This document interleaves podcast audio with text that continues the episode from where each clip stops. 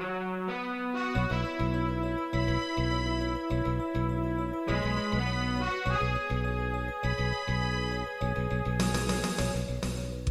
listening to Radio Free Asia. The following program is in Khmer.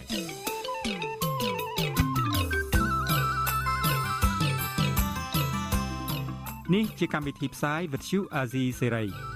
នេះជាកម្មវិធីផ្សាយរបស់ Vuthu Azizi Serai ជា ភាសាខ្មែរ Vuthu Azizi Serai សូមស្វាគមន៍លោកអ្នកនាងទាំងអស់ពីរដ្ឋធានី Washington នៃសហរដ្ឋអាមេរិក។ បាទពីទីក្រុងមែលប៊នប្រទេសអូស្ត្រាលីខ្ញុំបាទថាថៃសូមជម្រាបសួរលោកនាងកញ្ញាទាំងអស់ដែលកំពុងតាមដានការផ្សាយរបស់វិទ្យុអាស៊ីសេរីទាំងអស់ជាទីមេត្រីយើងខ្ញុំសូមជូនកម្មវិធីផ្សាយសម្រាប់យប់ថ្ងៃពុធ800ខែចេសឆ្នាំខាលចត្វាស័កពុទ្ធសករាជ2566ត្រូវនៅថ្ងៃទី22ខែមិថុនាឆ្នាំគ្រិស្តសករាជ2022បាទជាដំបូងនេះសូមអញ្ជើញលោកនាងស្ដាប់ព័ត៌មានប្រចាំថ្ងៃដែលមានមេត្តាដូចតទៅ តំណាងអัยការចោតលកម្មសខាថាបានបដូរបាននិយាយពាក្យបដូរមេដឹកនាំក្រោយការបោះឆ្នោតគឺស្មើនឹងការផ្ដួលរំលំរដ្ឋាភិបាលជំទប់ទី2ជាប់ឆ្នោតបាក់ភ្លឹងទីនរាជធានីភ្នំពេញរិះគន់ក្រសួងសុខាភិបាលរឿងលុបឈ្មោះលោកចេញពីក្របខ័ណ្ឌតុលាការខេត្តកំពង់ធំដោះលែងមេឃុំជាប់ឆ្នោតបាក់ភ្លឹងទីនឲ្យនៅក្រៅឃុំតែបាក់ប្រឆាំងនឹងយុវជនថានៅតែជារឿងមិនត្រឹមត្រូវ។ អង្គការសហប្រជាជាតិបន្តលើកឡើងអំពីកង្វល់នៃការរដ្ឋបတ်សិទ្ធិមូលដ្ឋានរបស់ពលរដ្ឋនិងសេរីភាពរបស់អង្គការសង្គមស៊ីវិលរួមនឹងព័ត៌មានសំខាន់សំខាន់មួយចំនួនទៀតបាទជាបន្តទៅនេះខ្ញុំបាទថាថៃសូមជូនព័ត៌មានពិស្ដាដូចតទៅបាទលោកនាងជាទីមេត្រី សវនាការជុំលើកទី45នៃការដេញដោលនៅលើសំណុំរឿងក្បត់ជាតិរបស់មេបកប្រឆាំងលោកកឹមសុខាឈានដល់ការចាប់ប្រកាន់លើអង្គហេតុថ្មីអំពើគឺអំពើប្រទុស្រាយនៅពេលដែលដេញដោលនោះតំណាងអัยការបានចោទប្រកាន់លោកកឹមសុខាថានិយាយ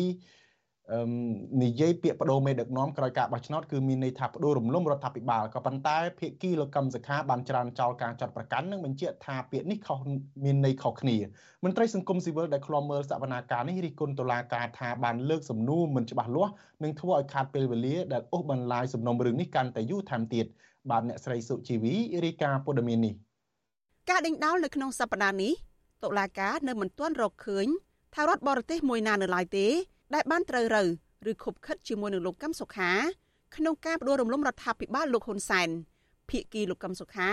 ក៏បានចោទប្រកាន់តំណាងអាយកាថាបានលើកភ័ស្តុតាងคล้ายៗមកចោទប្រកាន់លើលោកកឹមសុខាហើយលោកកឹមសុខា បានរក្សាសិទ្ធិមិនឆ្លើយតបតាក់ទងនឹងភ័ស្តុតាងនោះមេធាវីការពារក្តីលោកកឹមសុខាម្នាក់គឺលោកផែងហេងលោកឲ្យដឹងក្រោយចប់សវនាការថាតំណាងអាយកាបានតាំងសំណួរមួយចំនួនតាក់ទងអំពើប្រទូសរាយ រួមមានការធ្វើបាតុកម្មនៅទីលានប្រជាធិបតេយ្យបាតុកម្មនៅស្ទឹងមានជ័យកាលពីឆ្នាំ2013និងភ័ស្តុតាងវីដេអូមួយចំនួន លោកថាតំណាងអាយកាបានចំណាយពេលច្រើននៅក្នុងសវនាការនេះដោយដាក់សំណួរមិនច្បាស់លាស់ហើយត្រូវការចំណាយពេលច្រើននៅក្នុងការពន្យល់លើសំណួរទាំងនោះលោកមេធាវីឲ្យដឹងទៀតថាកូនក្តីរបស់លោកឆ្លើយបំភ្លឺថាលោកកឹមសុខាទទួលខុសត្រូវតែលើគណៈបកសង្គ្រោះជាតិដែលធ្វើបាតុកម្មនៅទីលានប្រជាធិបតេយ្យ ចំណែកបាតុកម្មនៅទីកន្លែងផ្សេងទៀតលោកកឹមសុខាមិនដឹងនោះឡើយតាមសំខាន់គាត់មានការប្រតិកម្មដែរដែលឃើញអាយកាសួរអូអឺពេលវាដោយសារពយល់ចុះពយល់ឡើងហើយចំនួនវាគេថាចំនួនតិចប៉ុន្តែការពយល់វាច្រើនបាទដោយសពដងដែរសវនកម្មនេះមានការខ្លាំមើលពីតំណាងស្ថានទូតបរទេសនិងតំណាងអង្គការសហប្រជាជាតិប្រចាំកម្ពុជាតំណាងអង្គការសង្គមស៊ីវិលក្នុងស្រុក និងអ្នកសារព័ត៌មានផងដែរចំណែកនៅខាងក្រៅរបងតុលាការអ្នកគាំទ្រលោកកឹមសុខាប្រមាណ100នាក់បានផ្ដល់កម្លាំងចិត្តដល់លោកកឹមសុខាដោយឡែកសមត្ថកិច្ចបានបន្តរឹតបន្តឹងសន្តិសុខតឹងតែងជាងរាល់ដងមន្ត្រីសង្គមស៊ីវិលយល់ថាសវនកម្មនេះប្រៀបដូចជាករណីស្រីប្រកាន់ប្រុសប្រកែកប៉ុន្តែភ័ស្តុតាងដាក់បន្ទុកនៅស្រពេចស្រពិលនៅឡើយមន្ត្រីការពារសិទ្ធិមនុស្សនៃសមាគមអាត6លោកយីសុកសានដែលតាមដានសវនកម្មនេះសង្កេតឃើញថា ការដេញដោលសួរតាក់ទងពីអំពើប្រទុសរាយនេះតំណាងអាយកាបានចោទប្រកាន់លោកកឹមសុខាថាមានចេតនាផ្ដួលរំលំមេដឹកនាំក្រោយការបោះឆ្នោតប៉ុន្តែនៅពេលស្ដាប់សម្ដីរបស់លោកកឹមសុខា គឺលោកកឹមសុខា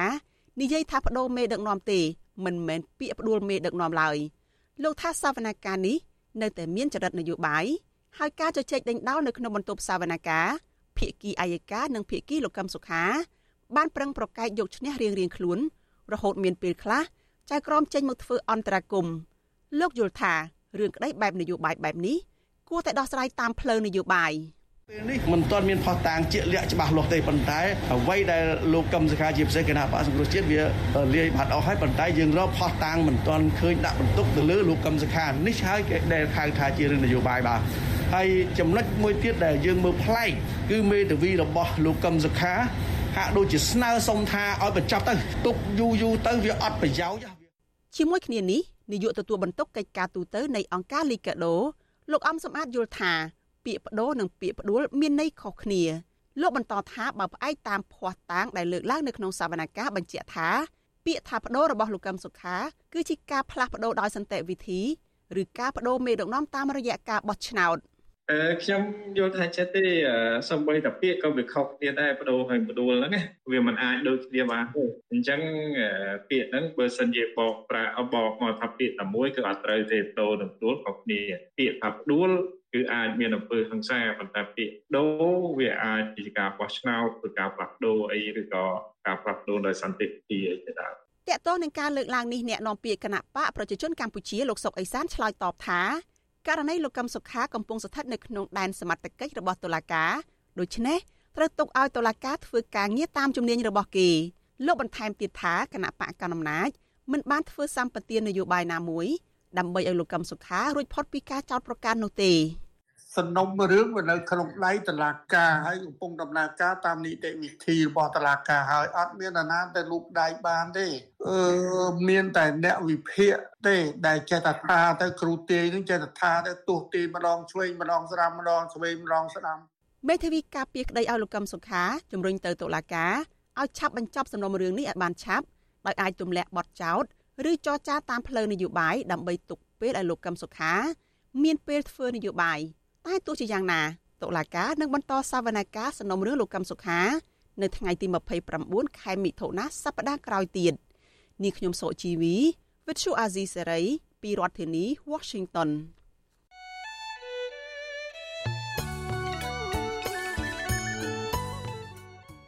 បាទលោកនាងជាទីមេត្រីដំណើរគ្នានឹងស្ដាប់ការផ្សាយរបស់វិទ្យុអាស៊ីសេរីតាមបណ្ដាញសង្គម Facebook និង YouTube លោកនាងក៏អាចស្ដាប់កម្មវិធីផ្សាយរបស់វិទ្យុអាស៊ីសេរីតាមរយៈរលកធាតុអាកាសខ្លីឬ Shortwave តាមកម្រិតនិងកម្ពស់ដូចតទៅនេះពេលព្រឹកចាប់ពីម៉ោង5កន្លះដល់ម៉ោង6កន្លះតាមរយៈរលកធាតុអាកាសខ្លី12140 kHz ស្មើនឹងកម្ពស់ 25m និង13715 kHz ស្មើនឹងកម្ពស់ 22m ពេលយប់ចាប់ពីម៉ោង7កន្លះដល់ម៉ោង8កន្លះតាមរយៈរលកធាតុអាកាសខ្លី9960 kHz ស្មើនឹងកម្ពស់ 30m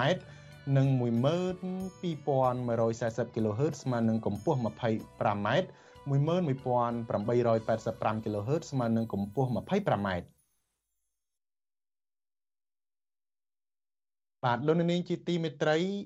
ងាកទៅរឿងនយោបាយវិញគឺចៅសង្កាត់រងទី2ជាប់ឆ្នោតគណៈបកភ្លឹងទៀននៅរាជធានីភ្នំពេញរិះគន់ក្រសួងសុខាភិបាលដែលបានលុបឈ្មោះលោកចេញពីក្របខ័ណ្ឌមន្ត្រីរាជការថាជារឿងអយុត្តិធម៌ប្រតិកម្មនេះធ្វើឡើងបន្ទាប់ពីក្រសួងសុខាភិបាលបានលុបឈ្មោះសកម្មជនបកភ្លឹងទៀនមួយរូបចេញពីក្របខ័ណ្ឌក្រសួងសុខាភិបាលកាលពីថ្ងៃទី21ខែមិថុនាបន្ទាប់ពីលោកចូលរួមជីវភាពនយោបាយជាមួយនឹងគណៈបកភ្លឹងទៀនបាទលោកនាងនឹងបានស្ដាប់ព័ត៌មាននេះនៅពេលបន្តិចទៀត បាទលោកនាងជាទីមិត្តរីអ្នកខ្លំមើលការបោះឆ្នោតលើកឡើងថាគណៈបកប្រជាជនកម្ពុជាប្តឹងមន្ត្រីជាន់ខ្ពស់គណៈបកភ្លឹងទៀនលោកសុនឆៃទៅតុលាការទាមទារឲ្យដាក់ទោសលោកនោះនឹងធ្វើឲ្យប៉ះពាល់ដល់រចនាសម្ព័ន្ធគណៈបកភ្លឹងទៀននាយកប្រតិបត្តិអង្គការសម្ព័ន្ធភាពការពារសិទ្ធិមនុស្សកម្ពុជាហៅកាត់ថាច្រាក់លោករស់សថាឲ្យដឹងនៅថ្ងៃទី22មិថុនាថាគណៈបកប្រជាជនកម្ពុជាប្តឹងលោក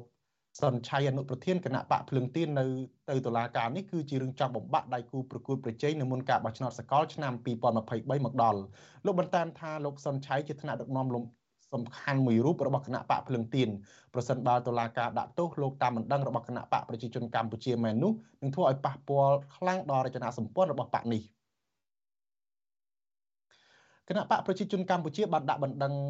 ប្តឹងអនុប្រធានគណៈបកភ្លឹងទៀនលោកសុនឆៃកាលពីថ្ងៃទី15ខែមិកាលពីថ្ងៃទី14មិថុនាបណ្ដឹងដោយចុះហត្ថលេខាដោយលោកមេធាវីគីតិចតំណាងឲ្យគណៈបកប្រជាជនកម្ពុជានោះបានប្តឹងលោកសុនឆៃទៅកាន់អัยការអមសាលាដំបងរាជធានីភ្នំពេញដោយទាមទារឲ្យតុលាការផ្តន្ទាទោសតាមបញ្ញត្តិច្បាប់និងទាមទារឲ្យលោកសុនឆៃបង់ប្រាក់សំណងជំងឺចិត្ត1លានដុល្លារឬ4000លានរៀលដល់បកកណ្ដាលអំណាចបណ្ដឹងរបស់គណៈបកកណ្ដាលអំណាចនេះក្រោយពេលគណៈបក មួយចំនួនជាពិសេសគណៈបកភ្លឹងទៀនរិះគន់ថាដំណើរការបោះឆ្នោតមិនមានភាពសេរីត្រឹមត្រូវនិងយុត្តិធម៌និងមានលក្ខណៈអាក្រក់ជាងអាណត្តិណាណាទាំងអស់អ្នកនាំពាក្យគណៈបកប្រជាជនកម្ពុជាលោកសុកអេសានមិនធ្វើអត្ថាធិប្បាយអំពីបញ្ហានេះទេដោយបង្វែរឲ្យសួរទៅមេធាវីគីតិចដែលជាមេធាវីរដ្ឋាភិបាលហើយតំណាងឲ្យគណៈបកប្រជាជនកម្ពុជាវិទ្យុអស៊ីសេរីមិនអាចតាក់ទងលោកគីតិចដើម្បីសាកសួរបន្ថែមអំពីការដាក់បដិងប្រឆាំងលោកសុនឆៃបានទេនៅថ្ងៃទី22មិថុនា បន្ថែមពីលើបណ្ដឹងរបស់គណៈបកប្រជាជនកម្ពុជានេះគណៈកម្មាធិការជ្រៀបចំការបោះឆ្នោតហៅកាត់ថាកើជបកាលពីថ្ងៃទី17មិថុនាក៏បានដាក់បណ្ដឹងដោយឡែកមួយទៀតប្តឹងលោកសុនឆៃដែរពាក្យបណ្ដឹងរបស់កើជបចោតលោកសុនឆៃថាបានការចោតប្រកាន់របស់លោកតាមប្រព័ន្ធផ្សព្វផ្សាយថាកើជបលួចសัญลักษณ์ឆ្នោតប៉ះពាល់ចង់ធ្ងន់ធ្ងរដល់ស្ថាប័នកើជបដែលបណ្ដឹងនោះដែលបណ្ដឹងនោះអះអាងថាបំពេញភារកិច្ចការងារដោយឯករាជ្យនិងអព្យាក្រឹត ដើម្បីធានាឲ្យការបោះឆ្នោតប្រព្រឹត្តទៅដោយសេរីត្រឹមត្រូវនឹងយុត្តិធម៌ស្របតាមគោលការណ៍នៃលទ្ធិប្រជាធិបតេយ្យសេរីពហុបកពាក្យបណ្ដឹងរបស់តំណាងគោចបបានស្នើឲ្យទី1ផ្ដន់ទោសលោកសុនឆៃពីបទបរិហាគេជាសាធារណៈតាមបញ្ញត្តិមាត្រា305នៃក្រមព្រហ្មទណ្ឌនៃព្រះរាជាណាចក្រកម្ពុជានិងទី2តម្រូវឲ្យលោកសុនឆៃធ្វើលិខិតសំទោសជាសាធារណៈសំទោសគោជបជាលីលអសរនិងផ្សព្វផ្សាយជាសាធារណៈ លោកសុនឆៃបានថ្លែងជាសាធារណៈតាមប្រព័ន្ធផ្សព្វផ្សាយក្រោយការបោះឆ្នោតឃុំសង្កាត់កាលពីដើមខែមិថុនាថាការតស៊ូរបស់គណៈបកភ្លើងទៀនគឺដើម្បីបង្រួបបង្រួមជាតិសាជាថ្មីលោកបន្តថារយៈពេលជាង5ឆ្នាំកន្លងមកនេះប្រជាពលរដ្ឋជួបការលំបាកច្រើននិងស្ថិតក្រោមគណៈបកគណៈបកតែមួយនិងមានការដឹកនាំប្រទេសដោយមានសភាឯកបកគឺគណៈបកប្រជាជនកម្ពុជារបស់លោកហ៊ុនសែន។ ចំណែកឯកោជបដែលជាអ្នកកាត់សេចក្តីអំពីការបោះឆ្នោតក៏ត្រូវស្ថិតក្រោមការគ្រប់គ្រងរបស់គណៈបកតែមួយបែបនេះដែរលោកលើកឡើងបែបនេះចាប់តាំងពីមានការរំលាយគណៈបកសង្គ្រោះជាតិកាលពីឆ្នាំ2017គេមើលឃើញថាសមាជិកភាពដឹកនាំកោជបភិកច្រើនសុទ្ធសឹងតែចេញមកពីជួរមន្ត្រីជាន់ខ្ពស់នៃគណៈបកកណ្ដាលអំណាចលោកគីតិចចោតលោកសុនឆៃដែលរិះគន់ពីដំណើរការបោះឆ្នោតជ្រើសរើសក្រុមប្រឹក្សាឃុំសង្កាត់កន្លងទៅនេះថាជាអំពើទុច្ចរិតបំភ្លៃខុសពីការពិត ផ្ដល់ព័ត៌មានคล้ายៗទម្លាក់កំហុសលើគណៈបកប្រជាជនកម្ពុជាជាដើមបាទសូមលោកនាងរងចាំស្ដាប់ទេសនារងចាំទេសនាបទសម្ភាសរបស់លោកជុនច័ន្ទបុតនិងលោកសុនឆៃអំពីប្រតិកម្មរបស់លោកជំវិញបណ្ដឹងរបស់គណៈបកប្រជាជនកម្ពុជានេះនៅពេលបន្តិចទៀតសូមអរគុណ បាទលោកនាងជាទីមេត្រីតកតងនឹងរឿងនយោបាយនេះដែរមន្ត្រីគណៈបកប្រឆាំងយុវជនរួមទាំងសង្គមស៊ីវិលរិះគន់នឹងចាត់ទុកការចាប់ខ្លួនមេឃុំជាប់ឆ្នោតមកពីគណៈបកភ្លឹងទៀននៅខេត្តកំពង់ធំគឺជាការគំរាមកំហែងនិងបំផ្លាញពន្លកប្រជាធិបតេយ្យបើទោះបីជាតុលាការដោះលែងលោកញឹមសារ៉ុមឲ្យនៅក្រៅឃុំបណ្ដោះអាសន្នក៏ដោយពួកគេបារម្ភថាទង្វើរបស់តុលាការនិងបកកណ្ដាលអំណាចកំពុងធ្វើឲ្យនីតិរដ្ឋនៅកម្ពុជាដើរថយក្រោយលោកសេចបណ្ឌិតរាយការណ៍ព័ត៌មាននេះ សមត្ថកិច្ចខេត្តកំពង់ធំ បានដោះលែងមេឃុំជាប់ឆ្នោតគណៈបកភ្លើងទៀននៅឃុំចំណាលើ លោកយឹមសារ៉ុមនៅរសៀលថ្ងៃទី22ខែមិថុនាក្រោយការចាប់ខ្លួនតាមដីកាបង្គាប់របស់ចៅក្រមស៊ើបសួរសាលាដំបងខេត្តកំពង់ធំ លោកស៊ិនវណ្ណៈប៉ុន្តែទោះបីមានការដោះលែងបែបនេះក្តីក៏មន្ត្រីគណៈបកប្រឆាំងនិងយុវជន នៅតែបន្តរិះគន់ទៅលើការចាប់ខ្លួនលោកយឹមសារ៉ុមដែលជាមេឃុំទើបជាប់ឆ្នោត ថាជារឿងអយុត្តិធម៌និងជាការបំផ្លាញលទ្ធិប្រជាធិបតេយ្យនៅកម្ពុជាមេធាវីការពារក្តីលោកយឹមសារ៉ុមគឺលោកសំសកុងថ្លែងថា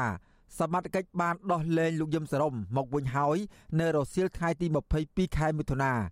លោកបញ្ជាក់ថាការដោះលែងនេះគ្រាន់តែតុលាការឲ្យនៅក្រៅឃុំបណ្ដោះអាសន្នប៉ុណ្ណោះលោកថាករណីនេះបានកើតឡើងតាំងពីឆ្នាំ2002ពោលគឺ20ឆ្នាំមុន លោកមេធាវីសំសកុងបានបញ្យល់ថាបើគិតតាមច្បាប់គឺបានផុតកំណត់អាញាយុការួចទៅហើយចំណែកករណីផ្សេងទៀតគឺលោកយឹមសារ៉ុមបានដោះស្រាយដាច់ស្រេចជាមួយនឹងដើមម្ដងហើយក៏មិនបានរត់ចោលស្រុកនោះទេលោកបន្តថាតាមក្រមនីតិវិធីព្រហ្មទណ្ឌលោកយឹមសារ៉ុំមានសិទ្ធិពឹងពាក់មេធាវីឲ្យតុលាការជំនុំជម្រះសាលក្រមកំបាំងមុខនេះឡើងវិញ។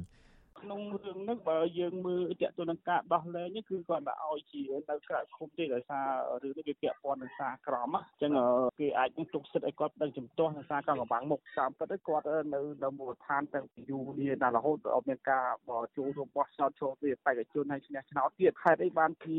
សារក្រមនេះទៅជាសារក្រមកំបាំងមុខអញ្ចឹងខ្ញុំគិតថានៅពេលដែលគាត់មិនទៅកិច្ចវេទនាហើយចេញសារក្រមកំបាំងមុខបើនិយាយពីផ្លូវច្បាប់គឺជារឿងមួយខុសពីច្បាប់ខុសច្បាប់តែម្ដងក្រមប្រឹក្សាឃុំចម្ដាលើស្រុកសន្ទុក លោកណូតសុខឹមឲ្យដឹងថា ការចាប់ខ្លួនលោកយឹមសរំ ជារឿងមិនសមហេតុសមផលនិងឆ្លុះបញ្ចាំងពីការគម្រិតកំហែងអ្នកគាំទ្រលទ្ធិប្រជាធិបតេយ្យនៅកម្ពុជាលោកបន្តថាទង្វើរបស់អាជ្ញាធរកាន់តែធ្វើឲ្យប្រជាពលរដ្ឋមានការមិនសប្បាយចិត្តនិងកាន់តែស្អប់ការគ្រប់គ្រងបែបផ្ដាច់ការនៅក្នុងប្រទេសដែលមានត្រឹមតែឈ្មោះថាកាន់លទ្ធិប្រជាធិបតេយ្យបែបនេះ។ ទីចង់ការចាប់ខ្លួននៅភាពគម្រាមកំហែងឲ្យអ្នកដែលឆ្លៃលទ្ធិប្រជាធិបតេយ្យឬក៏គ្រប់គ្រងគណៈបកប្រឆាំងហ្នឹងមានការភ័យខ្លាចគេដោះស្រាយរឿងរួចរាល់ហើយដល់ពេលមកចាប់ខ្លួនគាត់នៅឆ្នាំ2022ហ្នឹងវាដូចជាហើយខ្ញុំមិនមិនមិនឆ្លុះបញ្ចាំងពីទស្សនវិជ្ជាច្បាប់ទៅវាច្បាប់វាអាចទៅរួចអញ្ចឹងទេបើវាយូរដល់ទៅ20ឆ្នាំហើយគាត់មិនដែលទៅណាសោះមកមិនកោះហៅគាត់ លោកយឹមសារ៉ុំជាមេឃុំជាប់ឆ្នោតមួយរូបក្នុងចំណោមបេក្ខជន4រូបនៃគណៈបកភ្លើងទៀនដែលជាប់ឆ្នោតជាមេឃុំចំណាលើស្រុកសន្ទុកខេត្តកំពង់ធំ ក្នុងការបោះឆ្នោតជ្រើសរើសក្រុមប្រឹក្សាឃុំសង្កាត់អាណត្តិទី5នេះលោកត្រូវបានអាជ្ញាធរចាប់ខ្លួនកាលពីរសៀលថ្ងៃទី21មិថុនានៅពេលដែលលោកកំពុងតែបម្រើការងារនៅក្នុងសាលាឃុំពីបទប្លន់កាលពី20ឆ្នាំមុន។ ប៉ុន្តែបើតាមមេធាវីការពីក្តីគឺលោកសំសកុងប្រាប់បទសុអសីស្រីឲ្យដឹងថាលោកយឹមសារ៉ុំត្រូវបានតុលាការខេត្តកំពង់ធំដោះលែងឲ្យនៅក្រៅឃុំនិងបន្តនីតិវិធីនៅក្នុងរឿងនេះដដែលវត្ថុអសីសេរីនៅពុំទាន់អាចសុំការបំភ្លឺបន្ថែមជុំវិញរឿងនេះពីអ្នកនាំពាក្យសាលាដំបងខេត្តកំពង់ធំគឺលោកវ៉ាន់សេងបាននៅឡើយទេ កាលពីថ្ងៃទី22មិថុនា នាយករងទទួលបន្ទុកកម្មវិធីឃ្លាំមើលនៃអង្គការលីកាដូលោកអំសំអាតមានប្រសាសន៍ថាការចាប់ខ្លួនមន្ត្រីគណៈបកភ្លើងទៀនរូបនេះគឺជាការរើសអើងនិន្នាការនយោបាយនិងជាការគំរាមកំហែងដល់បេក្ខជនឈរឈ្មោះរតីទៀតលោកបន្តថាបើអាញាធរនៅតែបន្តសកម្មភាពចាប់ឃុំខ្លួនគំរាមកំហែងបេក្ខជនគណៈបកប្រឆាំងនោះនឹងទទួលបានការរិះគន់កាន់តែធ្ងន់ធ្ងរពីប្រជាពលរដ្ឋនិងអ្នកនយោបាយផ្សេងទៀត។អ ញ្ចឹងសរុបមកជាឃើញថាព្រឹត្តិការណ៍ក្រោយការបោះឆ្នោតក្រុមប្រឹក្សាឃុំសង្កាត់នេះគឺយើងមានការព្រួយបារម្ភខ្លាំងទាក់ទងនឹងបរិយាកាសនយោបាយហើយឈ្មោះទៅរកការបោះឆ្នោតជាតិឆ្នាំ2023ខាងមុខទៀតណាបើសិនជាព្រឹត្តិការណ៍នេះនៅតែកើតបន្តអានឹងនាំឲ្យមានការរិះគន់បន្ថែមទៀតទាក់ទងនឹងបញ្ហាការគោរពសិទ្ធិមនុស្សនិងលទ្ធិប្រជាធិបតេយ្យនៅកម្ពុជាយើងអាចនឹងថាបោះជំហានថយក្រោយបន្តណា ក្រោយពីបញ្ចប់ការបោះឆ្នោតជ្រើសរើសក្រុមប្រឹក្សាឃុំសង្កាត់កន្លងមកគេនៅតែឃើញមានការធ្វើទុកបុកម្នេញទៅលើសកម្មជនមន្ត្រីគណៈបកប្រឆាំងជាហោហែជាពិសេសគឺគណៈបកភ្លើងទៀនដែលទទួលបានប្រជាប្រិយភាពខ្លាំងក្នុងចំណោមគណៈបកផ្សេងផ្សេងទៀតការធ្វើទុកបុកម្នេញទាំងនោះរួមមានការចាប់ខ្លួនក្រោមហេតុផលមិនសមរម្យការគំរាមកំហែងនិងការលុបឈ្មោះចេញពីក្របខ័ណ្ឌរដ្ឋជាដើម ទន្ទឹមគ្នានេះអង្គការសង្គមស៊ីវិលអ្នកវិភាគនិងប្រជាពលរដ្ឋក៏កំពុងមានការព្រួយបារម្ភថាលទ្ធិប្រជាធិបតេយ្យនៅកម្ពុជា កំពុងត្រូវបានក្តិចបំផ្លាញដែលនឹងធ្វើឲ្យកម្ពុជាធ្លាក់ចូលទៅក្នុងរបបផ្ដាច់ការនិយមគ្រប់គ្រងដោយមនុស្សមួយក្តាប់តូចខ្ញុំបាទសេកបណ្ឌិតវិទ្យុអាស៊ីសេរីពីរដ្ឋធានីវ៉ាស៊ីនតោន បាទលោកនាងជាទីមេត្រីតកតងនឹងរឿងនេះយើងបានភ្ជាប់ទូរស័ព្ទជាមួយនឹងអ្នកសិក្សាផ្នែកច្បាប់មួយរូបគឺលោកវ៉ុនច័ន្ទលូតដើម្បីឲ្យលោកវេកញែកពាក់ព័ន្ធនឹងបញ្ហាផ្លូវច្បាប់តកតងទៅនឹងការចាប់ខ្លួនមេឃុំជាប់ឆ្នោតរបស់គណៈបកភ្លើងទៀននៅឯខេត្តកំពង់ធំ គឺនៅឃុំចំណាលើស្រុកសន្ទុកគឺលោក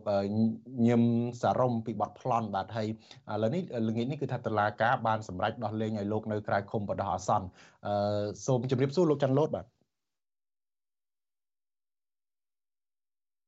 លោកច័ន្ទលូតទទួលបានទេបាទ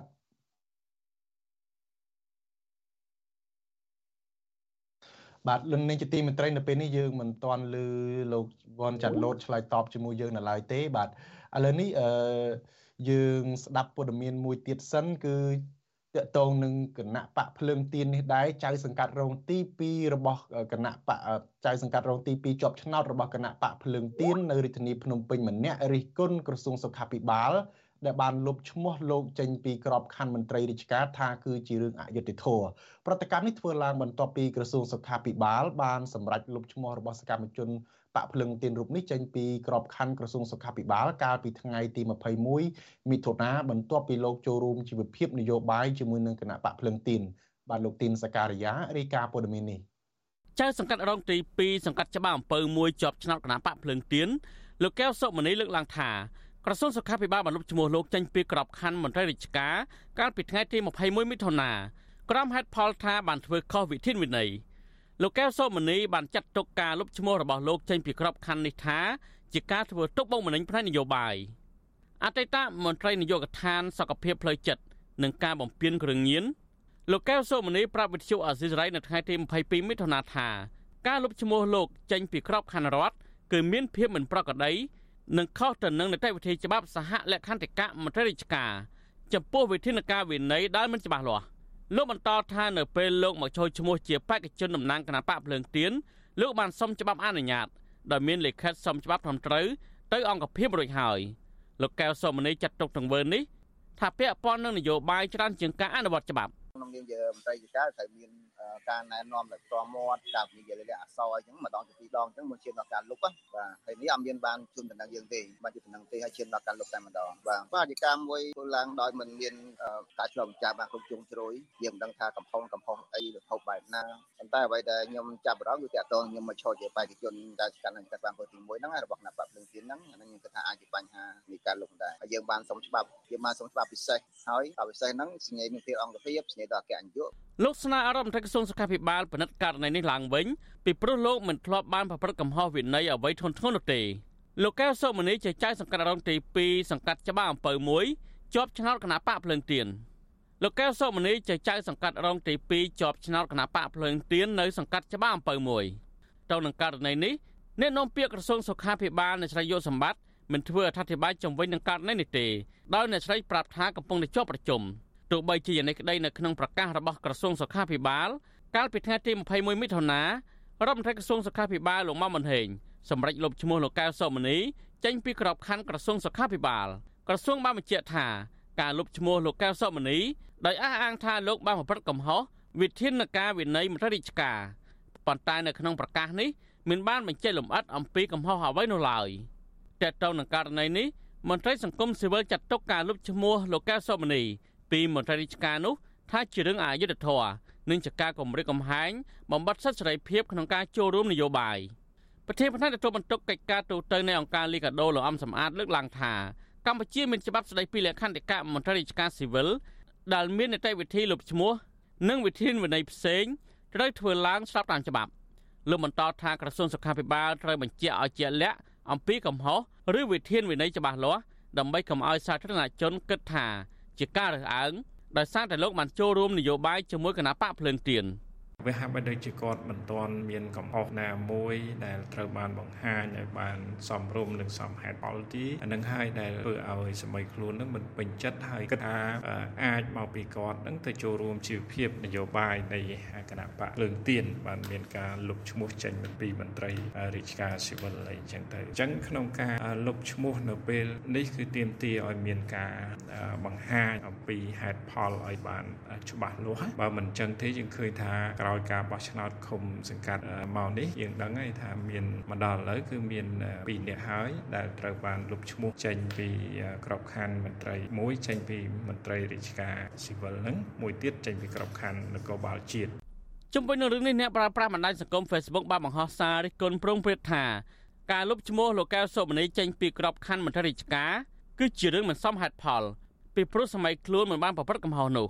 ពួកគេលើកឡើងថាការលុបឈ្មោះលោកកែវសុមនី គឺជាការគម្រាមកំហែងទៅដល់សិទ្ធិរបស់លោកក្នុងការចូលរួមនយោបាយនិងជាការរំលោភច្បាប់សហលក្ខន្តិកៈមន្ត្រីរាជការករណីនេះក៏ស្រដៀងទៅនឹងអតីតគ្រូពេទ្យលោកខមនីកុសលអតីតអនុប្រធានមន្ត្រីពេទ្យបង្អែកខេត្តបៃលិននិងជាមន្ត្រីនៅការិយាល័យបង្ការនិងគ្រប់គ្រងជំងឺមន្ត្រីសុខាភិបាលនៃរដ្ឋបាលខេត្តបៃលិនត្រូវបានអភិបាលខេត្តនេះគឺលោកស្រីបានសេរីមុំ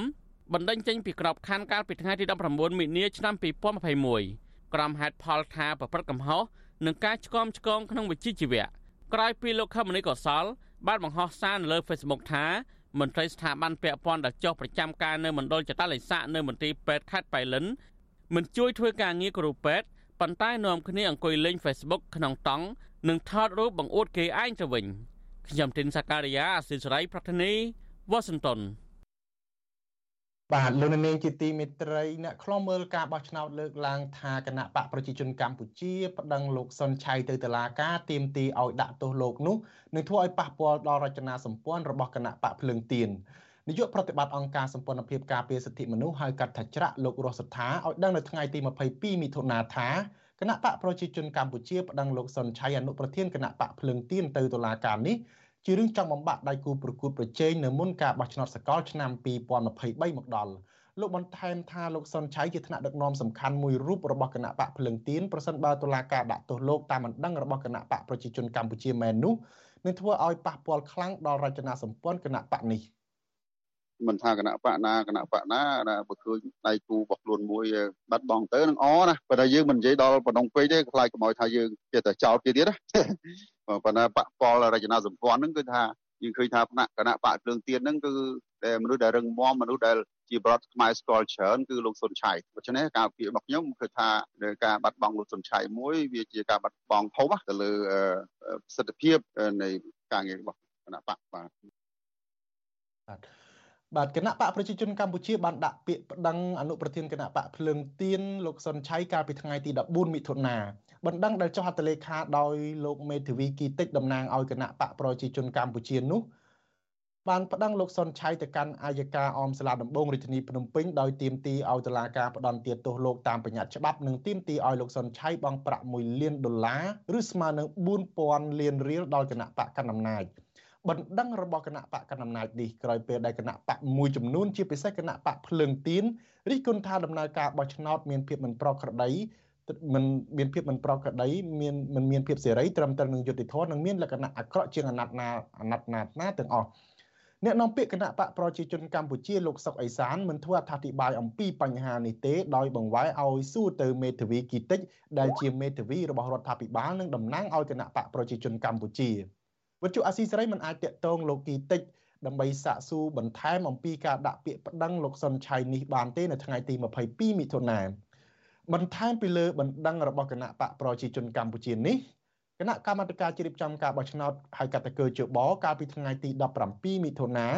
ក៏បានដាក់បណ្ដឹងដោយឡែកមួយទៀតបណ្ដឹងលោកសុនឆៃដែរពាក្យបណ្ដឹងរបស់កោជបចោទលោកសុនឆៃថាការចោទប្រកាន់របស់លោកតាមប្រព័ន្ធផ្សព្វផ្សាយថាកោជបលួចសន្លឹកឆ្នោត ប៉ះពាល់ធ្ងន់ធ្ងរដល់ស្ថាប័នកោជបដែលពាក្យបណ្ដឹងនោះអះអាងថាបំពេញភារកិច្ចការងារដោយឯករាជ្យនិងអព្យាក្រឹតដើម្បីធានាឲ្យការបោះឆ្នោតប្រព្រឹត្តទៅដោយសេរីត្រឹមត្រូវនិងយុត្តិធម៌ស្របតាមគោលការណ៍នៃលទ្ធិប្រជាធិបតេយ្យសេរីពហុបកពាក្យបណ្ដឹងរបស់តំណាងកោជបបានស្នើឲ្យទី1ផ្ដន់ទោសលោកសុនឆៃពីបទបរិហាគេជាសាធារណៈ តាមបញ្ញត្តិមាត្រា305នៃក្រមព្រហ្មទណ្ឌនៃព្រះរាជាណាចក្រកម្ពុជានិងទី2តម្រូវឲ្យលោកសុនឆៃធ្វើលិខិតសំទោសកោជបជាលិលាអសរនិងផ្សព្វផ្សាយជាសាធារណៈលោកសុនឆៃបានថ្លែងជាសាធារណៈនឹងតាមប្រព័ន្ធផ្សព្វផ្សាយក្រោយពីការបោះឆ្នោតឃុំសង្កាត់កាលពីខែមិថុនាថាកាលពីដើមខែនេះថាការតស៊ូរបស់គណៈបកភ្លឹងទៀនគឺដើម្បីបង្រួបបង្រួមជាតិជាថ្មី លោកបន្តថារយៈពេល5ឆ្នាំកន្លងមកនេះប្រជាពលរដ្ឋជួបការលំបាកច្រើននិងស្ថិតក្រោមបកតែមួយនិងមានការដឹកនាំប្រទេសដោយមានសភាឯកបកគឺគណៈបកប្រជាជនកម្ពុជារបស់លោកហ៊ុនសែនចំណែកឯកោជបដែលជាអ្នកកាត់សេចក្តីអំពីការបោះឆ្នោតក៏ត្រូវស្ថិតក្រោមការគ្រប់គ្រងរបស់បកតែមួយបែបនេះដែរ លោកលើកឡើងបែបនេះចាប់តាំងពីមានការរំលាយគណៈបកសង្គ្រោះជាតិកាលពីឆ្នាំ2017គេមើលឃើញថាសមាជិកដឹកនាំកោជបភាគច្រើនសុទ្ធសឹងតែចេញពីមន្ត្រីជាន់ខ្ពស់នៃគណៈបកកណ្ដាលអំណាចលោកគឺតិចចោតលោកសុនឆៃដែលរិះគន់ពីដំណើរការបោះឆ្នោតជ្រើសរើសក្រុមប្រឹក្សាគុំសង្កាត់កន្លងទៅនេះថាជាអំពើទុច្ចរិតបំភ្លៃខុសពីការពិតផ្ដាល់ព័ត៌មានคล้ายៗទម្លាក់កំហុសមកលើគណៈបកប្រជាជនកម្ពុជាជាដើម បាទសូមលោកនាងរងចាំទស្សនាបទសម្ភាសរវាងលោកជុនច័ន្ទបុតនិងលោកសុនឆៃអំពីប្រតិកម្មរបស់លោកជំវិញនឹងបណ្ដឹងរបស់គណៈបកប្រជាជនកម្ពុជានិងបណ្ដឹងរបស់គោជបនៅពេលបន្តិចទៀតនេះសូមអរគុណ thank you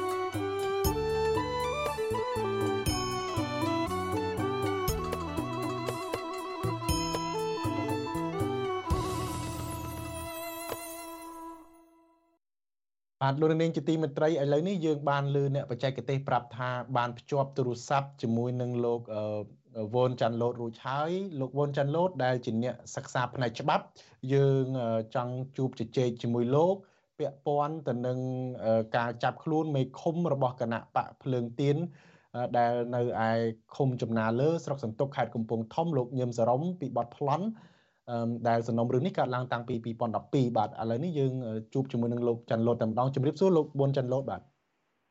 បាទជម្រាបសួរលោកសេរីបុតបាទអឺអឺលោកច័ន្ទលូតខ្ញុំឈ្មោះថាថៃបាទសួរលោកសេរីបុតបាទបាទអឺអរគុណលោកច័ន្ទលូតដែលបានចំណាយពេលចូលរួមជាមួយយើងនៅរាត្រីនេះបាទអឺលោកច័ន្ទលូតប្រហែលជាបានជ្រាបខ្លះហើយព័ត៌មានប្រហែលថ្ងៃនេះគឺថាមានការកក្រើកដែរតកតងទៅនឹងការចាប់ខ្លួនមេឃុំ ចំណាលើនៅឯស្រុកសន្ទុកខេត្តកំពង់ធំ ដែលជាមេឃុំជាប់ឆ្នោតរបស់គណៈបកភ្លឹងទៀនលោកញឹមសរមពីបត់ប្លន់បាទអឺឥឡូវនេះល្ងាចមិញហ្នឹងគឺថាគេបានដោះលែងលោកដោះលែងលោកឲ្យនៅក្រៅឃុំបណ្ដោះអាសន្នវិញហើយនៅល្ងាចថ្ងៃទី22ហ្នឹងបាទហើយសំណុំរឿងនេះគឺថាបានកើតឡើងតាំងពីឆ្នាំ2002មកម្លេះដែលវាមានរយៈពេល20ឆ្នាំទៅហើយហើយតឡាការទៅតែចាប់ ចេញទៅការឲ្យចាប់ខ្លួនលោកកាលពីប្រហែលម្សិលមិញនេះបាទហើយដូច្នេះ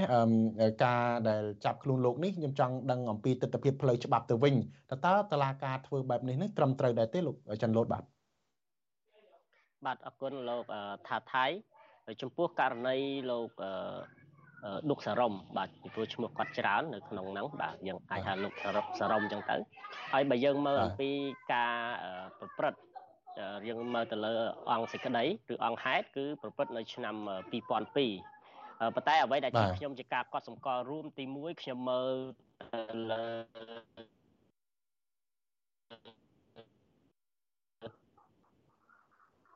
អឺភាពមិនស៊ីចង្វាក់គ្នានៃការនៃការ ដូចជារៀងរអាក់រអ៊ូលបន្តិចលោកច័ន្ទលូតបាទដូចជាមានបញ្ហាអ៊ីនធឺណិតបន្តិចបាទអាឡូលោកច័ន្ទលូតបាទ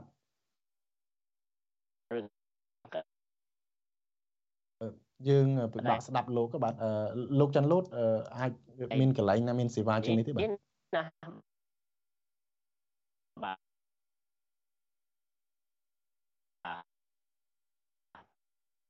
អឺលោកច័ន្ទលូតឮខ្ញុំទេបាទព្រោះបើយើងមើលទៅលើអឺលោកនាងធីមិត្រីឥឡូវនេះវាមានបញ្ហាបច្ចេកទេសហ្នឹងគឺថាយើងពិបាកស្ដាប់សំឡេងរបស់លោកច័ន្ទលូតដោយសារតែមានបញ្ហារអាក់រអួលច្រើនបាទយើងនឹងព្យាយាមតាក់ទងលោកនៅពេលបន្តិចទៀតបាទយើងនឹងព្យាយាមតាក់ទងលោកជាថ្មីម្ដងទៀតបាទ លោកនាងជាទីមេត្រីងាកទៅរឿងប្រេងសាំងនៅក្នុងប្រទេសកម្ពុជាវិញគឺសហភាពសហជីពកម្ពុជាស្នើសុំឲ្យរដ្ឋាភិបាលជួយទប់ស្កាត់និងបញ្ចុះតម្លៃប្រេងសាំងដើម្បីជួយសម្របសម្រួលបន្ទុកដល់ជីវភាពរបស់ប្រជាពលរដ្ឋដែលមានប្រាក់ចំណូលមទាបនិងចំណូលមធ្យមតំណាងសហភាពសហជីពកម្ពុជានិងពលរដ្ឋត្អូញត្អែថាការហក់ឡើងថ្លៃខ្ពស់នៃតម្លៃប្រេងសាំងសប្តាហ៍នេះ ធ្វើឲ្យប៉ះពាល់ដល់ជីវភាពរស់នៅរបស់ប្រជាពលរដ្ឋជាច្រើនខណៈដែលពលរដ្ឋទើបតែបានធូរស្រាលពីវិបត្តិជំងឺ Covid បាទលោកយ៉ងច័ន្ទរារាយការណ៍ព័ត៌មាននេះតម្លៃប្រេងឥន្ធនៈកំពុងហក់ឡើងខ្ពស់ដែលធ្វើឲ្យប្រជាពលរដ្ឋខ្មែរភ័យច្រើនទទួលរងផលប៉ះពាល់ធ្ងន់ធ្ងរចំពោះជីវភាពរស់នៅប្រចាំថ្ងៃ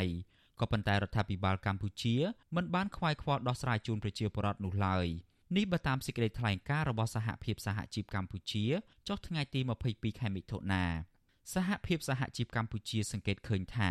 នៅពេលតម្លៃប្រេងឥន្ធនៈឡើងថ្លៃខ្ពស់នាំឲ្យទំនិញគ្រប់មុខនៅលើទីផ្សារចាប់ផ្ដើមមានតម្លៃហក់ឡើងខ្ពស់ដែរដែលធ្វើឲ្យប្រជាពលរដ្ឋមានប្រាក់ចំណូលទាបនិងមធ្យមទទួលរងផលប៉ះពាល់ធ្ងន់ធ្ងរចំពោះជីវភាពប្រចាំថ្ងៃរបស់ពួកគាត់អ្នករងផលប៉ះពាល់ទាំងនោះមានដូចជាមន្ត្រីរាជការអាជីវករកម្មករអ្នកលក់ដូរមិនរៀបរយនិងកសិករជាដើមសហភាពសហជីពកម្ពុជាស្នើសុំឲ្យរដ្ឋាភិបាល កាត់បន្ថយពន្ធលើការនាំចូលប្រេងឥន្ធនៈនិងបញ្ចេញកញ្ចប់ថវិកាជាតិដើម្បីទប់ស្កាត់និងបញ្ចុះតម្លៃប្រេងឥន្ធនៈមកត្រឹមតម្លៃមួយសមរម្យដល់ការប្រើប្រាស់និងជួយសម្រួលដល់ជីវភាពរស់នៅរបស់ប្រជាពលរដ្ឋប្រធានសហភាពសហជីពកម្ពុជាលោករងឈុនថ្លែងថារដ្ឋាភិបាលមិនត្រូវទុកឲ្យតម្លៃប្រេងបន្តហក់ឡើងខ្ពស់ទៀតនោះទេ លោកបន្តថាទោះបីជាតម្លៃប្រេងឥន្ធនៈកើនឡើងខ្ពស់បណ្ដាលមកពីសង្គ្រាមរវាងរុស្ស៊ីនិងអ៊ុយក្រែនយ៉ាងណាក្តីក៏រដ្ឋាភិបាលត្រូវតែមានវិធីនៅក្នុងការបញ្ចុះតម្លៃប្រេងឲ្យមកនៅកម្រិតសមរម្យដែរដូចជាបញ្ចុះតម្លៃពន្ធនាំចូល និងបញ្ចេញកញ្ចប់ថវិកាជាតិដើម្បីទប់ស្កាត់ជាដើម។ បើសម្រាប់ស្ថានភាពបរដ្ឋយើងយើងមិនមែនថាចេះតែធ្វើការទៀមទាទេយើងមានការទទួលស្គាល់ថាវាអតិពលប្រេងហ្នឹងវាការហក់ឡើងហ្នឹងមកពីអតិពលសង្គ្រាមនៅអ៊ុយក្រែនតែរដ្ឋាភិបាលក៏ត្រូវមានវិធានការបញ្ចុះពន្ធក៏ដូចជាបញ្ចេញកញ្ចប់ថវិកាជាតិដើម្បីទម្លាក់មកក្នុងតម្លៃឥឡូវនេះវា6000អាចទម្លាក់មកត្រឹម4000 គឺ4005អាហ្នឹងវាមានលក្ខណៈប្រសើរជាង6450ដុល្លារកាលពីថ្ងៃទី21ខែមិថុនាក្រសួងពាណិជ្ជកម្មបានចេញសេចក្តីជូនដំណឹងពីការកំណត់ថ្លៃលក់រាយប្រេងឥន្ធនៈនៅតាមស្ថានីយ៍ចាប់ពីថ្ងៃទី21ដល់ថ្ងៃទី30មិថុនាថាចំពោះសាំងធម្មតាត្រូវលក់ក្នុងតម្លៃ5800រៀលក្នុង1លីត្រនិងចំពោះប្រេងម៉ាស៊ូតត្រូវលក់តម្លៃ6300រៀលនៅក្នុង1លីត្រក្រសួងពាណិជ្ជកម្មបញ្ជាក់ថាតម្លៃនេះ ជាការសម្រេចរបស់លោកនាយរដ្ឋមន្ត្រីហ៊ុនសែននិងមានការចូលរួមចំណែកពីក្រុមហ៊ុនចែកចាយនៅកម្ពុជា ដើម្បីជួយសម្រួលដល់ជីវភាពប្រជាជនវិទ្យុអាស៊ីសេរីមិនអាចសុំការឆ្លើយតបជុំវិញរឿងនេះពីអ្នកនាំពាក្យក្រសួងពាណិជ្ជកម្មលោកសៀងថៃនិងប្រធានអង្គភិបអ្នកនាំពាក្យរដ្ឋាភិបាលលោកផៃស៊ីផានបានទេ នៅថ្ងៃទី22ខែមិថុនាដោយទូរស័ព្ទចូលតែពុំមានអ្នកទទួលកម្មករសំណង់មួយរូបរស់នៅខេត្តបាត់ដំបងលោករ៉េលសូម៉ារិត គាំទ្រសេចក្តីថ្លែងការណ៍របស់សហភាពសហជីពកម្ពុជាលោកយល់ថាតម្លៃប្រេងសាំងដែលកំណត់ដោយលោកហ៊ុនសែននេះមិនមែនជាការជួយនោះទេក៏ប៉ុន្តែជាការជន់កប្រជាពលរដ្ឋទៅវិញទេលោកបន្តថារូបលោកនិងប្រជាពលរដ្ឋផ្សេងទៀតខំប្រឹងរកលុយរាល់ថ្ងៃនេះគឺដើម្បីតែចាក់សាំងមិនចង់គ្រប់ផងដូច្នេះគ្មានលុយត្រៀមទុកសម្រាប់ចំណាយថ្ងៃបន្តបន្ទាប់ឬសម្រាប់ចំណាយពេលឈឺនោះទេ អញ្ចឹងវាអត់អាចទប់ទល់នឹងការហូបចុកផងការចំណាយប្រចាំថ្ងៃផងហើយនឹងលុយកាក់សម្រាប់មើលជំងឺប្រចាំថ្ងៃមនុស្សណាដែលអត់ឈឺនៅលើโลกនេះវាត្រូវតែមានឈឺខ្លះវាមានត្រូវទៅពេទ្យខ្លះជាពិសេសនោះអ្នកដែលមានកូនទៅរៀននោះគាត់ទប់ថ្លៃសាំងថ្លៃហូបចុកថ្លៃកូនទៅរៀនមួយថ្ងៃមួយថ្ងៃកូនទេប្រហែលដងបើថាអ្នករៀនបាក់ថោះទេតែម្ដងប៉ុន្តែទៅដល់ផ្ទះទេទៀតអញ្ចឹងឪម៉ែល្អ ដោយអ្នកធ្វើសំណងអីចឹងល្អมันអាចទទួលបានប្រេងសាំងចាប់តែពី5000ឡើងទៅគឺប្រជាពលរដ្ឋគាត់គាត់ល្អគាត់ល្អប៉ុន្តែទៅធ្វើស្អីទៅធ្វើស្អីអ្នកធំវាអត់កើតចង់និយាយខ្លាចគេចាប់ដាក់គុកប្រជាពលរដ្ឋនិងតំណាងសហភាពសហជីពកម្ពុជាយល់ថាប្រសិនបើតម្លៃប្រេងសាំងចុះមកត្រឹម3000រៀលទៅ4000រៀលគឺអាចសំរុំទទួលយកបានលោករងឈុនលើកឡើងថាប្រសិនបើរដ្ឋាភិបាលនៅតែមិនខ្វាយខ្វល់បញ្ចុះតម្លៃប្រេងសាំងទៀតនោះ លោកនឹងជជែកគ្នាពីការប្រមូលផ្ដុំសម្ដែងមតិដើម្បីទាមទារឲ្យរដ្ឋាភិបាលទម្លាក់តម្លៃពន្ធនាំចូល និងបញ្ចេញកញ្ចប់ថវិកាជាតិជួយអន្តរាគមន៍ទប់ស្កាត់និងបញ្ចុះតម្លៃប្រេងឥន្ធនៈឲ្យបានសមរម្យឡើងវិញខ្ញុំយ៉ងច័ន្ទដារាវិទ្យុអាស៊ីសេរីរាយការណ៍ពីរដ្ឋធានី Washington បាទលោកនាងជាទីមេត្រីយើងបានព្យាយាមតាក់ទងទៅលោកវ៉ុនចិនឡូតដែរដើម្បីឲ្យលោកចូលបកស្រាយក៏ប៉ុន្តែដោយសារតែមានបញ្ហាអ៊ីនធឺណិតរអាក់រអួលដូច្នេះយើងមិនបានភ្ជាប់លោកតទៅទៀតទេបាទលោកនាងជាទីមេត្រីការដែលតាក់ទងនឹងរឿងកំពង់ផែចិនកំពង់ផែកងទ័ពជើងទឹករៀមវិញការដែលកម្ពុជាអនុញ្ញាតឲ្យប្រទេសកុម្មុយនីសចិនអភិវឌ្ឍកំពង់ផែកងទ័ពជើងទឹករៀមហើយរងនឹងការចោទប្រកាន់ថាលួចឲ្យចិនប្រើប្រាស់ផ្ដាច់មុខ ឬដាក់មូលដ្ឋានតបនោះទំនងជាមិនងាយនឹងសាបរលាបឬបិទបញ្ចប់ឡើយបើទោះបីជាភាគីកម្ពុជានិងចិនបានបដិសេធរឿងនេះជាហោហែរួចមកហើយក៏ដោយក៏ការបដិសេធទាំងនេះនៅតែមិនអាចធ្វើឲ្យសហរដ្ឋអាមេរិកនិងសម្ព័ន្ធមិត្តអឺជាស្រឡះចិត្តនៅឡើយទេតើកម្ពុជាគូធ្វើបែបណាដើម្បីកុំឲ្យរឿងរ៉ាវអភិវឌ្ឍកំពង់ផែរៀមខ្លាចជាទំនាស់ភូមិសាស្ត្រនយោបាយបាទលោកមានរិទ្ធនឹងមានសេចក្តីរាយការណ៍ផ្ទាល់ជុំវិញរឿងនេះនៅពេលបន្តិចទៀត។បាទ លោកនាងជាទីមេត្រីតកតងនឹងរឿងជនជាតិដើមភៀតតិចគូចំនួន3ភូមិទាមទារឲ្យតុលាការខេត្តកំពង់ធំដោះលែងស្ត្រីជាតំណាងសហគមន៍ម្នាក់ដែលត្រូវបានតុលាការឃុំខ្លួនកាលពីសប្តាហ៍មុនក្នុងរឿងចំនួនដីធ្លីរវាងក្រុមហ៊ុនឯកជនមួយនិងអ្នកភូមិរាប់រយគ្រួសារពួកគាត់ចាត់ទុកសំណុំរឿងនេះគឺជារឿងអយុត្តិធម៌និងគៀបសង្កត់ពលរដ្ឋមិនឲ្យតវ៉ាទាមទារដីធ្លីសមូហភាពដែលក្រុមហ៊ុនកាប់ ដែលក្រុមហ៊ុនបានបំពីបំពេញអ្នកស្រីម៉ៅសុធានីរាយការណ៍ព័ត៌មាននេះបរដ្ឋរាប់រយគ្រួសារភៀកច្រើនជាជនជាតិដើមភាគតិចគួយរស់នៅក្នុងភូមិចំនួន3ក្នុងឃុំងនស្រុកសណ្ដាន់កំពុងស្វែងរកកិច្ចអន្តរាគមន៍ទៅស្ថាប័នពាក់ព័ន្ធនិងអង្គការសង្គមស៊ីវិលបំណងទាមទារឲ្យតុលាការខេត្តកំពង់ធំទម្លាក់បទចោទប្រកាន់លើតំណាងសហគមន៍ជនជាតិដើមភាគតិចគួយម្នាក់គឺលោកស្រីហេងសាផេន អ្នកភូមិថាតឡាការនិងសមត្ថកិច្ចខេត្តកំពង់ធំ បានចេញទៅការចាប់ខ្លួនស្ត្រីរូបនេះដោយស្ងាត់ស្ងាត់ដើម្បីបំបាក់ស្មារតីបរដ្ឋមិនអោយអាស្រ័យផលលើដីសមូហភាព ដែលអ្នកភូមិកំពុងស្នើសុំចុះបញ្ជីអនុប្រធានទី1នៃសហគមន៍ជនជាតិដើមភាគតិចគួយក្បិតចង្អូខ្នាគឺលោកហ៊ានហៀកប្រាប់វត្ថុអសីស្រីនៅថ្ងៃទី22ខែមិថុនាថាការពិសប្តាហ៍មុន គឺនៅថ្ងៃទី14ខែមិថុនាសមត្ថកិច្ច បានអញ្ជើញលោកស្រីហេងសុផេនទៅឆ្លៃបំភ្លឺនៅប៉ុស្តិ៍នគរបាលក្នុងរឿងដីធ្លីក៏ប៉ុន្តែសមត្ថកិច្ចទាំងនោះបែរជានាំខ្លួនលោកស្រីទៅទីរួមខេត្តវិញហើយនៅថ្ងៃបន្ទាប់តឡាការក៏បានចេញដល់ការឃុំខ្លួនលោកស្រីតែម្ដងលោកថាមកដល់ពេលនេះតឡាការបានឃុំខ្លួនស្ត្រីរូបនេះអស់ជាងមួយសប្តាហ៍មកហើយធ្វើឲ្យបរដ្ឋរាប់រយគ្រួសារកាត់ទុកមិនសុខចិត្ត លោកបន្ថែមថាស្ត្រីជនជាតិភេទតិចគួយរូបនេះមិនបានប្រព្រឹត្តកំហុសដោយការចាប់ប្រកាន់របស់តុលាការនោះឡើយហើយតុលាការក៏គ្មានភ័ស្តុតាងគ្រប់គ្រាន់ដើម្បីដាក់បន្ទុកនោះដែរអយុធធម៌មែនតែនដោយសារគាត់ចាប់ហ្នឹងគឺគាត់អត់មានហេតុផលអីថាដំណះតំណាងឯថាដីកន្លែងបណ្ណាហ្នឹងសម្រាប់ថាឲ្យពិតប្រកាសថាអ្នកត្រីហេងសុភេនៅទៅមលូបរបស់ពួកគាត់អញ្ចឹងណា បរតដដែលបន្ថែមថាដីសមូហភាពដែលអ្នកភូមិស្នើសុំចុះបញ្ជីទំហំជាង600ហិកតា គឺជាអាយុជីវិត របស់ប្រជាប្រដ្ឋរាប់រយកុសាដែលកំពុងប្រឈមការរំលោភបំពាន ពីសំណាក់ក្រុមហ៊ុនសម្បត្តិ Platinum លើពីនេះដីព្រៃសមូហភាពនេះមានព្រៃអរិយព្រៃខ្មោចព្រៃបោះនិងព្រៃបំរុងទុក ដែលអ្នកភូមិបានស្នើសុំចុះបញ្ជីដីសមូហភាពទៅក្រសួងដែនដីក្រសួងមហាផ្ទៃនិងក្រសួងអភិវឌ្ឍជនបទ ហើយមកដល់ពេលនេះកំពុងស្ថិតក្នុងដំណើរការនីតិវិធីមិនទាន់រួចរាល់ជាស្ថាពរនៅឡើយទេកាលពីថ្ងៃទី8ខែមិថុនាបរិយាអាញាអមតឡាការខេត្តកំពង់ធំ លោកសិនវរៈបានចេញដីកាបញ្ជូនមួយសន្លឹកផ្ញើជូនស្នងការខេត្តកំពង់ធំបញ្ជាលោកស្រីហេងសុផេនចូលខ្លួនមកស្ថាប័នអាយកាខេត្តកំពង់ធំដើម្បីចាត់វិធានការតាមនីតិវិធី អ្នកភូមិអះអាងថាដើមបណ្ដឹងក្នុងសំណុំរឿងនេះគឺតំណាងក្រុមហ៊ុន Chain Pan វិទ្យុអសីស្រីមិនទាន់អាចតតងសុំការបំភ្លឺរឿងនេះបន្ថែម ពីតំណាងក្រុមហ៊ុនសម្បត្តិ Platinum លោក Chain Pan បាននៅឡើយទេ នៅថ្ងៃទី22ខែមិថុនាចំណែកអភិបាលខេត្តកំពង់ធំលោកងួនរតនៈនិងអ្នកនាំពាក្យអាយកាអមតឡាការខេត្តកំពង់ធំ លោកសាយវាសនា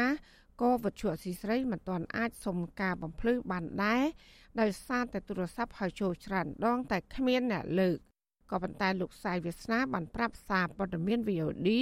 ថាតឡាកាបានបញ្ជូនលោកស្រីហេងសាផេនទៅឃុំខ្លួនបដាអាសន្នកាលពីថ្ងៃទី14ខែមិថុនាកន្លងទៅ ក្រោមបទចោទប្រាហង្សាទៅលើអ្នកកាន់កាប់អចលនវត្ថុដោយសុចរិតលោកអះអាងថាស្ត្រីរូបនេះបានរំលោភយកដីរបស់ក្រុមហ៊ុនបំពេញច្បាប់ ទោះយ៉ាងណាយុវជនជនជាតិដើមភាគតិចគួយខេត្តកំពង់ធំ លោកប៊ុនថនចាត់ទុកសំណុំរឿងនេះគឺជាល្បិចមូលបង្កាច់ដើម្បីបំបាក់ស្មារតីបរដ្ឋដែលខំការពារសម្បត្តិរដ្ឋដើម្បីប្រយោជន៍រួមរបស់ជនជាតិដើមភាគតិចគួយ លោកថាស្ត្រីជនជាតិភាគតិចគួយរូបនេះ មានភាពក្លាហានតស៊ូមតិនិងសុឆន្ទៈមុតមមការពារដីធ្លីប្រៃឈើដែលកំពុងប្រឈមការរំលោភបំពាន ពីសំណាក់ក្រុមហ៊ុនឯកជនជាបន្តបន្ទាប់លោកបន្ថែមថាដីព្រៃសមូហភាពគឺជាអត្តសញ្ញាណនិងវប្បធម៌ប្រពៃណីដូនតាគួយហេតុនេះប្រសិនបើបាត់បង់ពួកគាត់នឹងជួបការលំបាកច្រើនផ្នែកជីវភាពជាពិសេសគឺប៉ះពាល់អត្តសញ្ញាណវប្បធម៌ដូនតាគួយ។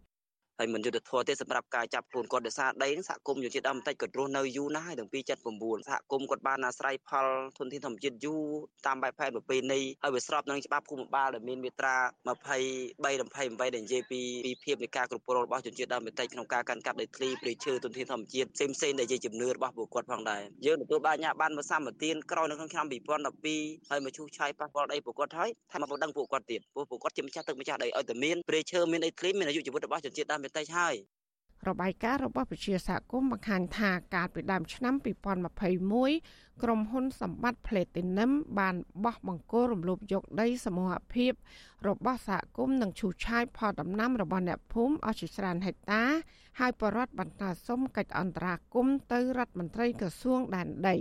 ក្រោយមកក្រសួងដែនដីក៏បានចេញលិខិតផ្ញើឲ្យអភិបាលខេត្តកំពង់ធំដោះស្រាយបញ្ហាប្រឈមទាំងនេះ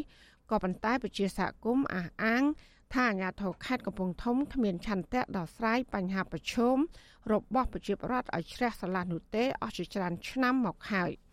ជុំវិញរឿងនេះអ្នកសម្របសម្រួលលេខាធិការដ្ឋានសម្ព័ន្ធជនជាតិដើមភាគតិចកម្ពុជា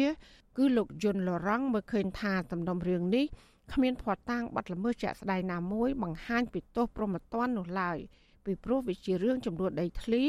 រវាងក្រុមហ៊ុនឯកជន និងប្រជាសហគមន៍គួរតែដោះស្រាយដោយការសម្របសម្រួលគ្នាក្រៅប្រព័ន្ធតុលាការលោកថាអង្គការការពិសិដ្ឋជនជាតិដើមភាគតិច កំពុងសិក្សាករណីនេះឲ្យផ្ដល់មេធាវីដើម្បីធ្វើកិច្ចការនេះជាមួយនឹងតំណាងសហគមន៍បំណងស្នើសុំតុលាការឲ្យដោះលែងលោកស្រីហេងសាផេនឲ្យនៅក្រៅឃុំជាបន្ទាន់ សហគមន៍គាត់នឹងសម្រេចយ៉ាងម៉េចព្រោះថារឿងនេះគឺវាជារឿងរួមហើយសមាជិកសហគមន៍ប្រមាណភូមិហ្នឹងគឺគាត់យល់ថាវាជារឿងអយុត្តិធម៌ទាំងអស់គ្នាអញ្ចឹងពួកយើងនឹងចាំមើលហើយយើងនឹងចូលរួមជួយគាត់ទៅតាមជាក់ស្ដែងដែលគាត់ស្នើសុំក្រុមហ៊ុនសម្បត្តិ Platinum ទទួលសិទ្ធិវិនិយោគដី ពីរដ្ឋាភិបាលទំហំជាង2400ហិកតាកាលពីឆ្នាំ2010ក្រុមហ៊ុននេះវិនិយោគដំណាំឧស្សាហកម្មកៅស៊ូនិងដំណាំផ្សេងផ្សេងទៀត ដែលស្ថិតនៅក្នុងដែនជម្រកសត្វព្រៃបឹងពែនៅស្រុកសណ្ដានខេត្តកំពង់ធំរបាយការណ៍អង្កេតរបស់អង្គការជនជាតិដើមភាគតិចកម្ពុជាឲ្យដឹងថាសហគមន៍ជនជាតិដើមភាគតិចគួយក្បិតចង្អូខ្នាបានចុះបញ្ជីទទួលស្គាល់ស្វ័យអត្តសញ្ញាណជនជាតិដើមភាគតិចគួយដោយក្រសួងអភិវឌ្ឍជនបទកាលពីឆ្នាំ2016និងក្រសួងមហាផ្ទៃនៅឆ្នាំ2017 ដោយសហគមន៍មានផែនទីបឋមកំណត់ទំហំផ្ទៃដីសមូហភាពច្បាស់លាស់ពជាសហគមន៍ថាកន្លងទៅ ដីសមូហភាពក្បិតចង្អូខ្នាមានផ្ទៃដី ទំហំជាង1000ហិកតាហើយក្រុមហ៊ុនបានឈូសឆាយអស់រាប់រយហិកតាហើយបច្ចុប្បន្នគឺនៅសល់ដីជាង600ហិកតាប៉ុណ្ណោះដែលពួកគាត់កំពុងការពារចាននាងខ្ញុំម៉ៃសុធានីវັດឈូអាស៊ីស្រី ប្រធានាធិបតី Washington បាទលោកនាងជាទីមេត្រីអង្គការសហប្រជាជាតិទទួលបន្ទុកសិទ្ធិមនុស្សនៃប្រចាំនៅប្រទេសកម្ពុជា នៅតែបន្តលើកឡើងនៅក្តីកង្វល់អំពីស្ថានភាពនៃការធ្លាក់ចុះលទ្ធិប្រជាធិបតេយ្យជាពិសេសការរដ្ឋបတ်សិទ្ធិជាមូលដ្ឋានរបស់ប្រជាពលរដ្ឋនិងការរដ្ឋបတ်សេរីភាពរបស់អង្គការសង្គមស៊ីវិលមិនឲ្យចូលរួមក្នុងការអភិវឌ្ឍប្រទេសប្រកបដោយចីរភាពទន្ទឹមគ្នានេះមន្ត្រីសង្គមស៊ីវិលលើកឡើងថាសេរីភាពបញ្ចេញមតិរបស់ពលរដ្ឋនិងសកម្មភាពការងាររបស់អង្គការក្រៅរដ្ឋាភិបាលមួយចំនួនក៏ត្រូវបានអាជ្ញាធរតាមយាយីនាពេលកន្លងមកនេះមន្ត្រីសិទ្ធិមនុស្សរបស់រដ្ឋាភិបាលលើកឡើងថាការលើកឡើងទាំងនេះមិនឆ្លុះបញ្ចាំងពីការពិតឡើយបាទលោកនាងនឹងបានស្ដាប់សេចក្តីរាយការណ៍នេះពឹស្ដានៅព្រឹកស្អែកអាស៊ីសេរី បាទលោកនាងជាទីមិត្តរីការដែលកម្ពុជាអនុញ្ញាតឲ្យប្រទេសកុម្មុយនីសចិនអភិវឌ្ឍកំពុងផែកងទ័ពជើងទឹករៀមហើយរងនឹងការចាត់ប្រកាន់ថាលួចឲ្យចិនប្រើប្រាស់ផ្ដាច់មុខឬដាក់មូលដ្ឋានទ័ពនោះទំនងជាមិនងាយនឹងសាបរលាបឬបិទបញ្ចប់ឡើយបើទោះបីជាទាំងភាគីកម្ពុជានិងចិនបានបដិសេធរឿងនេះជាហោហែរួចមកហើយក៏ដោយក៏ការបដិសេធទាំងនេះនៅតែមិនអាចធ្វើឲ្យសហរដ្ឋអាមេរិកនិងសម្ព័ន្ធមិត្តជ្រះស្រឡះនៅក្នុងចិត្តនៅឡើយទេតើកម្ពុជាគូមាន គួរធ្វើបែបណាដើម្បីកុំឲ្យរឿងរ៉ាវអភិវឌ្ឍកំពង់ផែរៀមខ្លាយជាទំនាស់ភូមិសាស្ត្រនយោបាយរ៉ាំរ៉ៃបាទឥឡូវនេះយើងជួបជាមួយនឹងលោកមានរិទ្ធដើម្បីឲ្យលោករាយការណ៍ផ្ទាល់ជុំវិញបញ្ហាទាំងនេះបាទសូមជម្រាបសួរលោកមានរិទ្ធបាទបាទជំរាបសួរលោកថាថៃបាទសុខសប្បាយលោកបាទបាទសុខសប្បាយធម្មតាចុះខាងលោកមានរិទ្ធបាទបាទសុខសប្បាយបាទខានជួបលោកថាថៃមួយសប្តាហ៍ដោយសារយើងមានព័ត៌មានបន្ទាន់ផ្សេងផ្សេងទៀតបាទ បាទអរគុណលោកមានរិទ្ធអឺដូចបានរៀបរាប់មិញនេះគឺថាការអភិវឌ្ឍមូលដ្ឋានកងទ័ពជើងទឹករៀមនឹងដែលមានបញ្ហាពាក់ព័ន្ធនឹងការចាត់ប្រកាន់ថាចិនអាចដាក់ទ័ពនៅទីនោះយើងឃើញថាមានការបកស្រាយច្រើនលើកច្រើនសារណាស់មកហើយទាំងភាគីកម្ពុជា ទាំងភាគីរបស់ចិនក៏ប៉ុន្តែ យើងចង់ដឹងថាតើកម្ពុជាគូធ្វើបែបណាដើម្បីកុំឲ្យរឿងរ៉ាវអភិវឌ្ឍកំពង់ផែរៀមคล้ายជាជាជំនួសទំនាស់ភូមិសាស្ត្រនយោបាយដល់រ៉ាំរ៉ៃនាពេលអនាគតនោះលោកមានរដ្ឋបាទ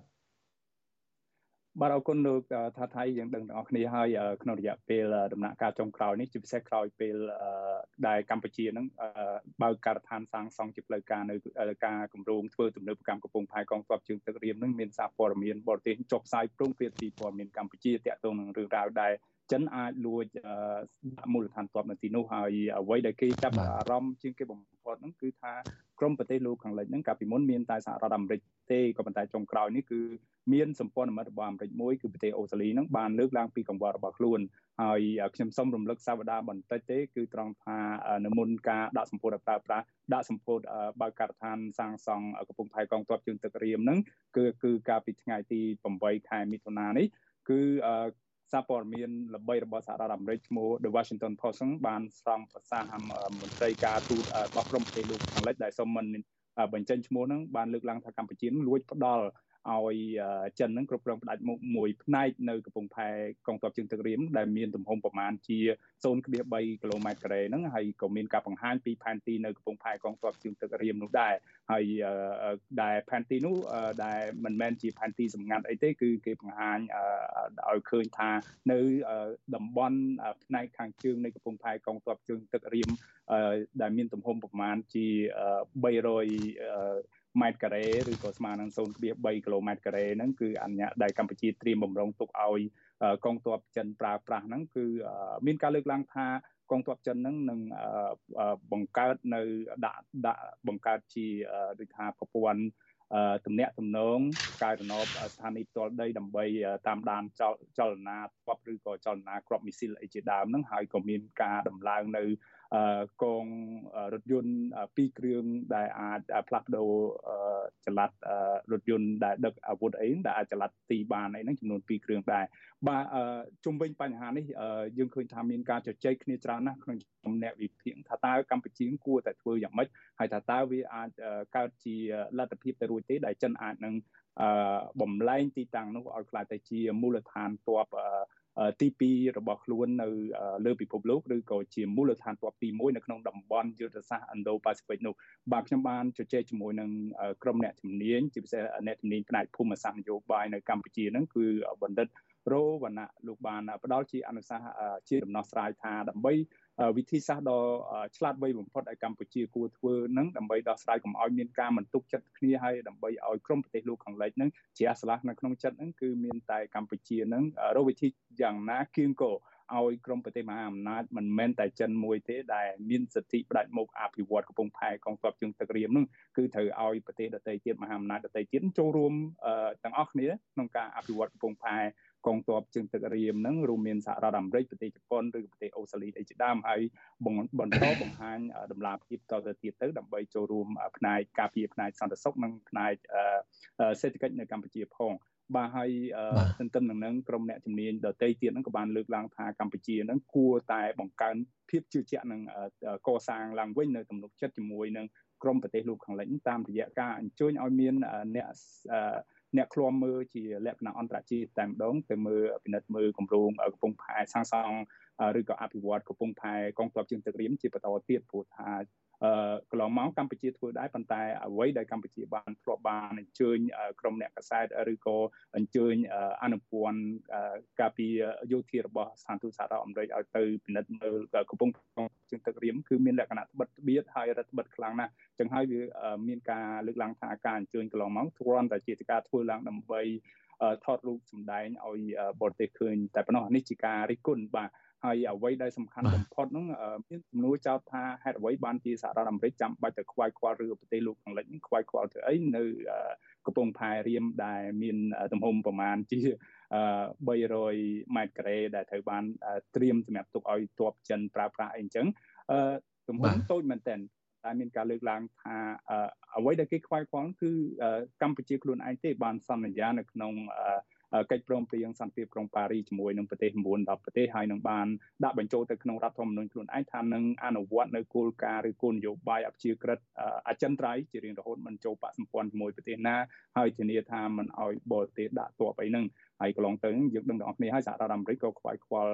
ដែរដោយសារជាភាគីមួយនៃហត្ថលេខីកិច្ចព្រមព្រៀងសន្តិភាពក្រុងប៉ារីហើយសហរដ្ឋអាមេរិកក៏បានរំលឹកកម្ពុជាថា ឲ្យធានានៅគោលគោលនយោបាយការបរទេសជាក្រិតអចិន្ត្រៃយ៍ជារៀងរហូតអីនោះបាទបាទកន្លងមកហ្នឹងលោកនាយរដ្ឋមន្ត្រីហ៊ុនសែនពេលទៅអាមេរិកហ្នឹងក៏ធ្លាប់បានប្រកាសឲ្យដែរថាมันមានអីដោយការចោតប្រកាន់អីចឹងទេបាទអឺលោកមានរិទ្ធនៅថ្ងៃនេះក៏យើងបានទទួលព័ត៌មានថាលោកទាបាញ់រដ្ឋមន្ត្រីក្រសួងការពារជាតិហ្នឹងបានដឹកនាំកិច្ចប្រជុំរដ្ឋមន្ត្រីការបររដ្ឋមន្ត្រីការពារជាតិអាស៊ាន តើតើនៅក្នុងកិច្ចប្រជុំរដ្ឋមន្ត្រីការពារជាតិអាស៊ាននេះមានការលើកឡើងពាក់ព័ន្ធទៅនឹងករណីសង្ស័យចិនលួចដាក់មូលដ្ឋានទ័ពនៅកំពង់ផែរៀមដែរទេបាទហើយយើងដឹងថាមិនមែនត្រឹមតែកិច្ចប្រជុំនៅថ្ងៃនេះនឹងក៏មិនត្រឹមតែមានការចូលរួមពីរដ្ឋមន្ត្រីការពារជាតិអាស៊ានទេគឺថាមានការចូលរួមពីរដ្ឋមន្ត្រីការពារជាតិពីប្រទេសធំធំមួយចំនួនដែរដូចជាជប៉ុនអីជាដើមតើលោកមានបានជ្រាបព័ត៌មាននេះទេបាទបាទ បាទយើងតាមដានកិច្ចប្រជុំនេះជាកិច្ចប្រជុំសំខាន់មួយយើងហៅថាកិច្ចប្រជុំរដ្ឋមន្ត្រីការពារជាតិអាស៊ានលើកទី16ហើយអ្វីដែលគេកត់សម្គាល់គឺឃើញរដ្ឋមន្ត្រីការពារជាតិអាស៊ានទាំង10ប្រទេសចូលរួមហើយកម្ពុជានឹងបានអញ្ជើញរដ្ឋមន្ត្រីការពារជាតិនៃរបបសឹកភូមានឹងឲ្យចូលរួមដែរសហគមន៍អន្តរជាតិចាត់ទុកថាជារបបខុសច្បាប់នោះបាទខុសប្លែកពីលើកមុនកិច្ចប្រជុំកម្ពុជាកិច្ចប្រជុំថ្នាក់រដ្ឋមន្ត្រីការពារជាតិនេះជាកិច្ចប្រជុំសំខាន់ទី2ហើយដែលកម្ពុជារៀបចំធ្វើដោយផ្ទាល់នៅក្នុងប្រទេសរបស់ខ្លួនក្រោយពីឡើងកាន់តំណែងជាប្រធានប្រវិនអាស៊ានលើកទី3នេះបើយើងឃើញថាកម្ពុជាបានព្យាយាមអញ្ជើញនេះបន្ទាប់ពីកាលពីមុនយើងមានកិច្ចប្រជុំថ្នាក់រដ្ឋមន្ត្រីការបរទេសអាស៊ានហើយកាលពីពេលនោះកម្ពុជាមិនបានអញ្ជើញទេក្រោយមិនបានអញ្ជើញរដ្ឋមន្ត្រីរបបសឹកភូមិចូលរួមទេក្រោយពីមានការរិះគន់ខ្លាំងក្លាមានការធ្វើពហិការអីមកនោះបាទហើយប៉ុន្តែលើកនេះយើងឃើញថាកម្ពុជាបានឈានមួយជំហានទៀតដោយរងការរងការរិះគន់ខ្លាំងពីសហគមន៍អន្តរជាតិនិងពីប្រទេសប្រជាជនភូមាខ្លួនឯងផងបាទពលរដ្ឋភូមានិងក្រុមអង្គការសង្គមស៊ីវិលភូមាទាំងក្នុងនិងក្រៅប្រទេសបានរិះគន់ថាកម្ពុជាបានដើរឆ្ងាយចេញពីអ្វីដែលខ្លួនហៅថាគោលការណ៍អាស៊ាន5ចំណុចជាឯកច្ឆន្ទដែលបានព្រមជាមួយអាស៊ាននោះដើម្បីដោះស្រាយបញ្ហានៅភូមានោះបាទនៅក្នុងកិច្ចប្រជុំថ្នាក់រដ្ឋមន្ត្រីការពារជាតិអាស៊ាននេះដែរក៏កម្ពុជាគ្រោងនឹងក៏ត្រៀមនឹងរៀបចំកិច្ចប្រជុំក្រៅផ្លូវការមួយជាមួយនឹងរដ្ឋមន្ត្រីការពារជាតិជប៉ុនហើយនិងរដ្ឋមន្ត្រីការពារជាតិចិនដែលដល់ឡាយបាទ ខ្ញុំបានព្យាយាមតាក់ទងសួរដើម្បីចង់ដឹងថាតើរដ្ឋការពារជាតិអាស៊ាននឹងមានលើកបានមានប្រទេសណាមួយជាសមាជិកបានលើកឡើងពីកង្វល់របស់ពួកគេតាក់ទងនឹងករណីមូលដ្ឋានទ័ពចិននៅកម្ពុជាដែរទេក៏ប៉ុន្តែអ្នកនាំពាក្យក្រសួងការពារជាតិកម្ពុជាលោកឈុំសុជាតិមិនលើកទូរស័ព្ទសោះនៅថ្ងៃនេះបាទក៏ប៉ុន្តែអ្វីដែលយើងបានដឹងគឺនៅក្នុងកិច្ចប្រជុំថ្នាក់រដ្ឋមន្ត្រីការពារជាតិអាស៊ាននឹងបានអនុម័តនៅឯកសារសំខាន់សំខាន់ចំនួន4សំខាន់ហ្នឹងគឺមានដូចជាចៅខុសវិស័យក្រុងភ្នំពេញដើម្បីគ្រប់គ្រងគួនទូនាទីរបស់វិស័យការពារជាតិកិច្ចសហប្រតិបត្តិការនៅក្នុងការ ទ្រទ្រង់ដល់ការងើបឡើងវិញពីវិបត្តិកូវីដហើយនឹងការមានបង្កើតជាយន្តការការពារជាតិឬក៏ការពារសន្តិសុខរបស់ស្ត្រីអាស៊ានអីជាដើមបាទហើយលោកទីបាញ់ក៏បន្តលើកឡើងពីអាស៊ាននឹងបានរងនៅការប្រទីនប្រទងរវាងមហាអំណាចពីសំខាន់សំខាន់នោះបាទបាទលោកថាបាទ បាទលោកមានរិទ្ធដោយសារតែពេលវេលាខ្លីយើងមានពេលវេលាតែ2នាទីទៀតទេខ្ញុំចង់ដឹងពីខាងលោកតើសហរដ្ឋអាមេរិកឬក៏សម្ព័ន្ធមិត្តរបស់អាមេរិកនៅតែមានការសង្ស័យច្រើនពាក់ព័ន្ធទៅនឹងការដាក់មូលដ្ឋានទ័ពចិននៅកំពង់ផែកងទ័ពជើងទឹករៀមហ្នឹងតើអាមេរិកឬក៏សម្ព័ន្ធមិត្តរបស់អាមេរិកបានដឹងថាចិននឹងមានមហិច្ឆតាពង្រីកអំណាចយោធាបែបណាខ្លះពីពេលឥឡូវនេះទៅថ្ងៃអនាគតបានជាមានការព្រួយបារម្ភយ៉ាងដូចនេះបាទ បាទនេះជាសំណួរសំខាន់មួយដែលយើងគួរពិនិត្យមើលទស្សនវិជ្ជាជារួមនៅលើពិភពលោកយើងឃើញថាតាមរយៈនិន្នាការចុងក្រោយហ្នឹងតាំងគេកត់សម្គាល់តាំងពីឆ្នាំ2015មកម្លេះគឺចិននឹងបានបង្កើតនៅកោះសបនិមិត្តនៅឯតំបន់ Spratly ដែលជាតំបន់ដែលមានចំនួនដណ្ដើមអធិបតេយ្យនៅក្នុងសមុទ្រចិនខាងត្បូងហ្នឹងត្បូងឡើយមេដឹកនាំចិនហ្នឹងក៏អះអាងនឹងពន្យល់ប្រាប់ពិភពលោកនឹងសន្យាជាមួយអាមេរិកថា ខ្លួននឹងមិនធ្វើយោធុបនីយកម្មនៅតំបន់នោះទេមិនដាក់ទ័ពមិនដាក់មូលដ្ឋាននេះទេប៉ុន្តែក្រោយពេលធ្វើកោះនោះហើយហ្នឹងគឺមានការដាក់មូលដ្ឋានទ័ពនៅទីនោះបង្កើនអធិបុលយោធារបស់ចិននៅទីនោះហើយកាលពីឆ្នាំ2017ហ្នឹងចិនក៏បានធ្វើដូចគ្នាដែរគឺបង្កើតមូលដ្ឋានទ័ពមួយនៅឯប្រទេសជីបូទីហើយពេលនោះក៏មានការសន្យាថាមិនមិនបង្កើតទ័ពដែរក្រោយមកខ្លាចទៅជាមូលដ្ឋានទ័ពដំបងបង្អស់របស់ចិននៅលើពិភពលោកហើយយោងតាមឯកសាររបាយការណ៍របស់មន្ត្រីបញ្ចកោនឬក៏ក្រសួងការពារជាតិអាមេរិកដឹងថាចិនមានមហិច្ឆតា ដល់ទៅបង្កើតឬដាក់ទ័ពនៅប្រទេសសំខាន់សំខាន់មួយចំនួនដូចជាកម្ពុជាជាបេក្ខជនទី1ហើយហើយក្រៅពីនោះមានដូចជានៅថៃនៅសិង្ហបុរីនៅប៉ាគីស្ថាននិងនៅប្រទេសមួយចំនួនទៀតនៅក្នុងតំបន់មជ្ឈិមបូព៌ាដូចជានៅអារ៉ាប់រួមអឺ រួមទាំងនៅតំបន់នៅប្រទេសអាទ្វីបអាហ្វ្រិកអីជាដើមបាទលោកមានរដ្ឋដោយសារតែពេលវេលាយើងខ្លីយើងសូមជម្រាបលាលោកអ្នកស្ដាប់របស់យើងបន្តិចសិនគឺអ្នកដែលស្ដាប់តាមរយៈរលកធាតុអាកាសខ្លីឬ Shortwave នៅម៉ោង8:30នាទីបន្តិចទៀតនេះលោកនាងនៅមិនលឺការផ្សាយរបស់យើងទៀតទេប៉ុន្តែលោកនាងដែលកំពុងស្ដាប់ការផ្សាយរបស់យើងនៅតាមបណ្ដាញសង្គម Facebook និង YouTube សូមនៅ